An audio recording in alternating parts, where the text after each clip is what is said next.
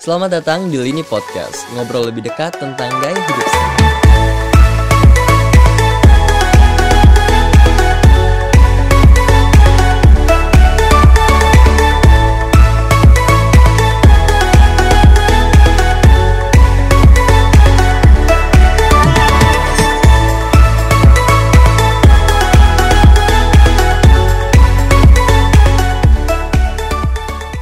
Halo Sobat Sehat, kembali lagi bareng saya Muhammad Ishraf, jangan bosan ya. Nah semua sahabat tentu ingin bahagia dong, ternyata bahagia itu ditentukan oleh hormon dan hormon ini dapat ditingkatkan produksinya dengan zat gizi dan berbagai aktivitas. Nah kali ini kita akan mendiskusikan apa saja hormon bahagia tersebut, apa akibat bila kekurangan serta zat gizi dan makanan apa saja nih yang dapat memicu produksi hormon bahagia. Telah hadir bersama kita narasumber yang gak asing lagi yaitu Profesor Dr. Hadin CMS, Guru Besar Ilmu Gizi FEMA IPB University, Ketua Umum Asosiasi Institusi Pendidikan Tinggi Gizi Indonesia, yang juga Ketua Umum Perhimpunan Pakar Gizi dan Pangan Pergizi Pangan Indonesia. Prof, sekarang kita akan diskusi tentang kebahagiaan nih, Prof. Ya. Nah, menurut Prof sendiri, bahagia itu seperti apa, Prof? Bahagia itu eh, sangat luas sebenarnya ada Iya. ada banyak makna tapi paling tidak kalau bisa kita eh, ramu dari berbagai definisi itu kondisi atau suasana di mana seseorang merasa eh, berkecukupan, merasa suasana eh, menyenangkan, merasa eh, membawa kegembiraan, Ya. bahkan eh, lebih dari itu sesuatu yang uh, membuat seseorang tadi jadi uh, di luar dari uh, keseharian Hmm. yang keseharian biasa normal-normal saja maka dia merasakan sesuatu yang lebih dari uh, sekedar hidup biasa Oke. ya yang membuat dia menjadi suasana hati dan pikirannya lebih uh, apa ya Tenang, lebih tenang bebas dari tekanan gitu ya. Karena aku pernah baca juga kalau bahagia itu ada istilah yang bebas dari tekanan, bebas Iya. dari eh, merasa ancaman, artinya tenang ya berarti, Bro. Iya, artinya Sebenarnya tadi banyak sih Prof dia ya, udah luas. mencapai kecukupan yang dia standarkan. Iya, oke. Ya, artinya standar tadi tentunya aman, tenang, tidak ada tekanan Hmm. gitu ya.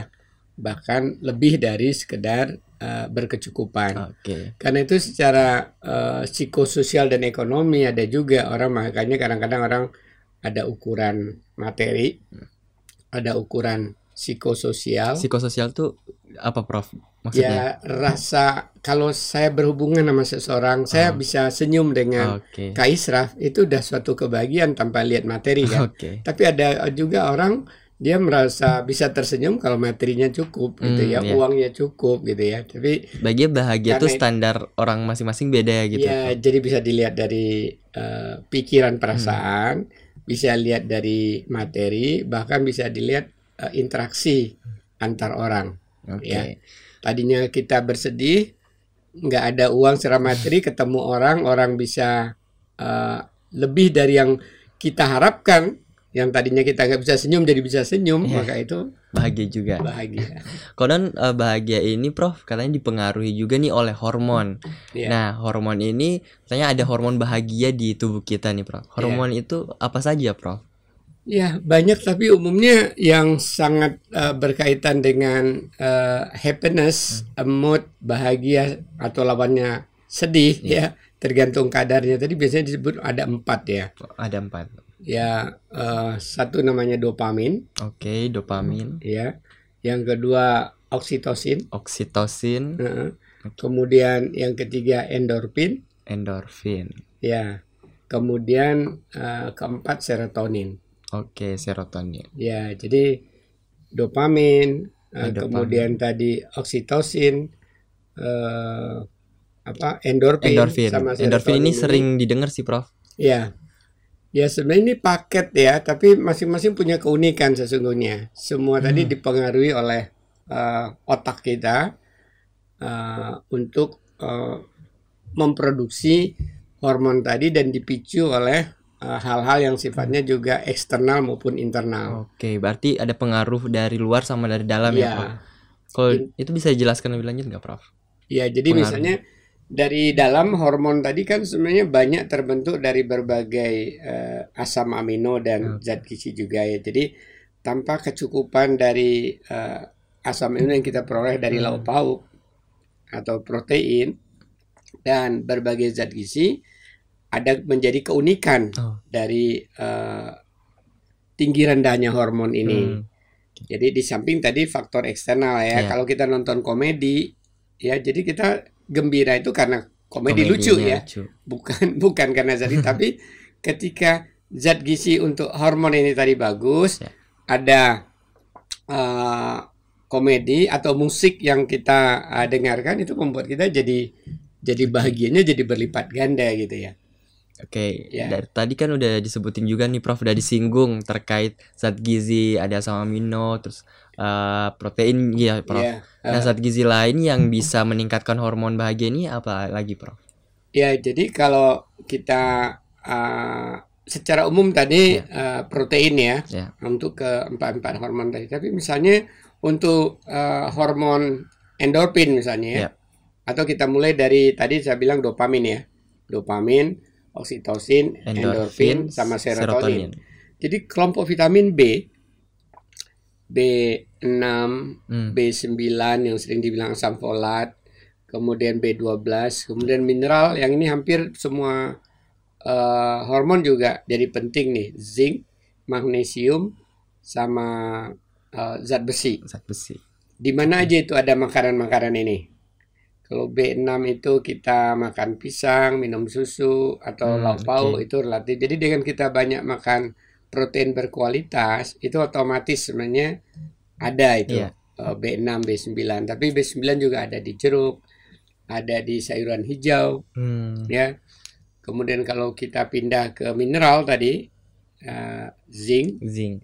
lagi-lagi di kerang-kerangan, lauk pauk, kacang-kacangan, kemudian magnesium di sayuran Oke. hijau itu banyak, zat besi Zat juga ya di lauk pauk sama di sayuran hijau. Jadi eh, kita bisa memenuhi kebutuhan zat gizi tadi Hmm. dengan baik, tapi kan kenyataannya banyak orang defisiensi zat gizi mikro ya, Iya. kekurangan vitamin mineral ya. Nah, eh, dengan kita bisa memenuhi kebutuhan zat-zat gizi mikro tadi, termasuk juga di vitamin ada vitamin C dan vitamin Iya. D ya, yang lagi naik daun di masa pandemi ini ya. Itu juga membuat eh, dopamin kita eh, lebih eh, meningkat Meningkat. ya produksinya. Kemudian kalau coklat sendiri gimana, Prof? Kan ada tuh yang bilang kalau misalnya lagi stres, kalau makan Iya. coklat katanya bisa bikin bahagia. Ya, kalau itu nanti bukan zat gizinya, ada eh,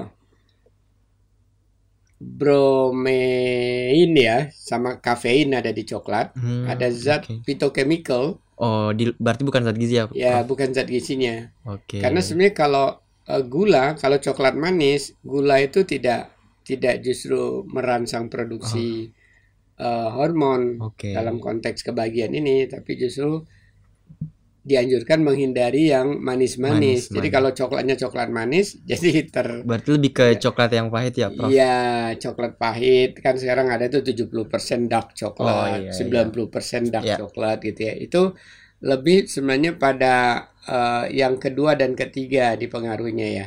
Oke. Oksitosin sama eh, Eh, endorfin. endorfin. Endorfin. Ya, jadi eh, kalau coklat nanti ada lagi kopi ya, tapi Oh, nanti kita bicarakan itu bukan zat gizi. Oke. Jadi ada komponen fungsional Hmm. yang non gizi yang ada di Oke. dalam ikut meningkatkan. Baik.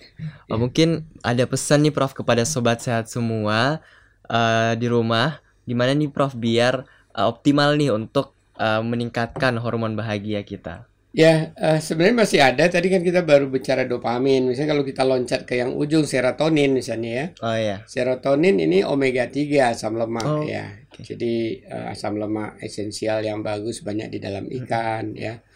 Eh, kalau kita makan berbagai kacang-kacangan, telur juga ada bahannya untuk eh, membentuk eh, asam lemak omega Oke. 3 ini. Jadi itu juga eh, meningkatkan eh, hormon serotonin tadi.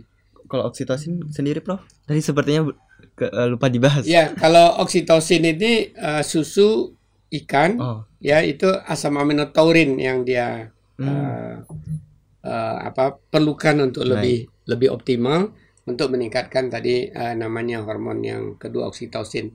Kalau endorfin ya asal protein berkualitas lah kita tahu umumnya ya bisa di telur, bisa susu, bisa ikan.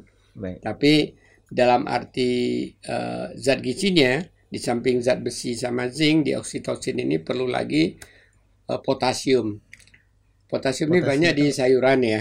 Oke. Jadi sebenarnya kalau kita tadi sayur untuk eh, Hmm. memperoleh tadi magnesium sekaligus potasiumnya Potasium itu nama lainnya kalium ya, Bro? iya K ya Iya. K Kalium. kalium ya betul. Lawan mungkin dari natrium.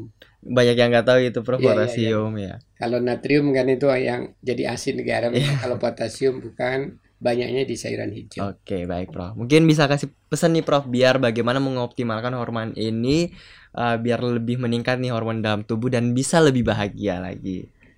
Ya eh, ada empat eh, hormon utama eh, untuk meningkatkan kebahagiaan bagi setiap orang dan itu dipengaruhi bagaimana eh, central processing unit di otak kita untuk mengelolanya dan ada faktor eksternal dan internal kalau yang faktor internal yang telah kita masukkan dari luar itu zat Hmm. gizi juga turut mempengaruhinya ya di samping eh, ada eh, faktor yang lain termasuk tadi tidur, mengelola stres. Nah, ketika kita bicara makanan ini, pada intinya dari sisi zat gizi makro yang penting dipenuhi tadi adalah protein yang berkualitas, kemudian asam lemak esensial khususnya omega 3. Kemudian ada beberapa vitamin yang umumnya selalu kalau vitamin B ya B6, B3, B B3 itu niacin ya. B6 itu pyridoxine kalau lihat di label. B9 itu asam folat.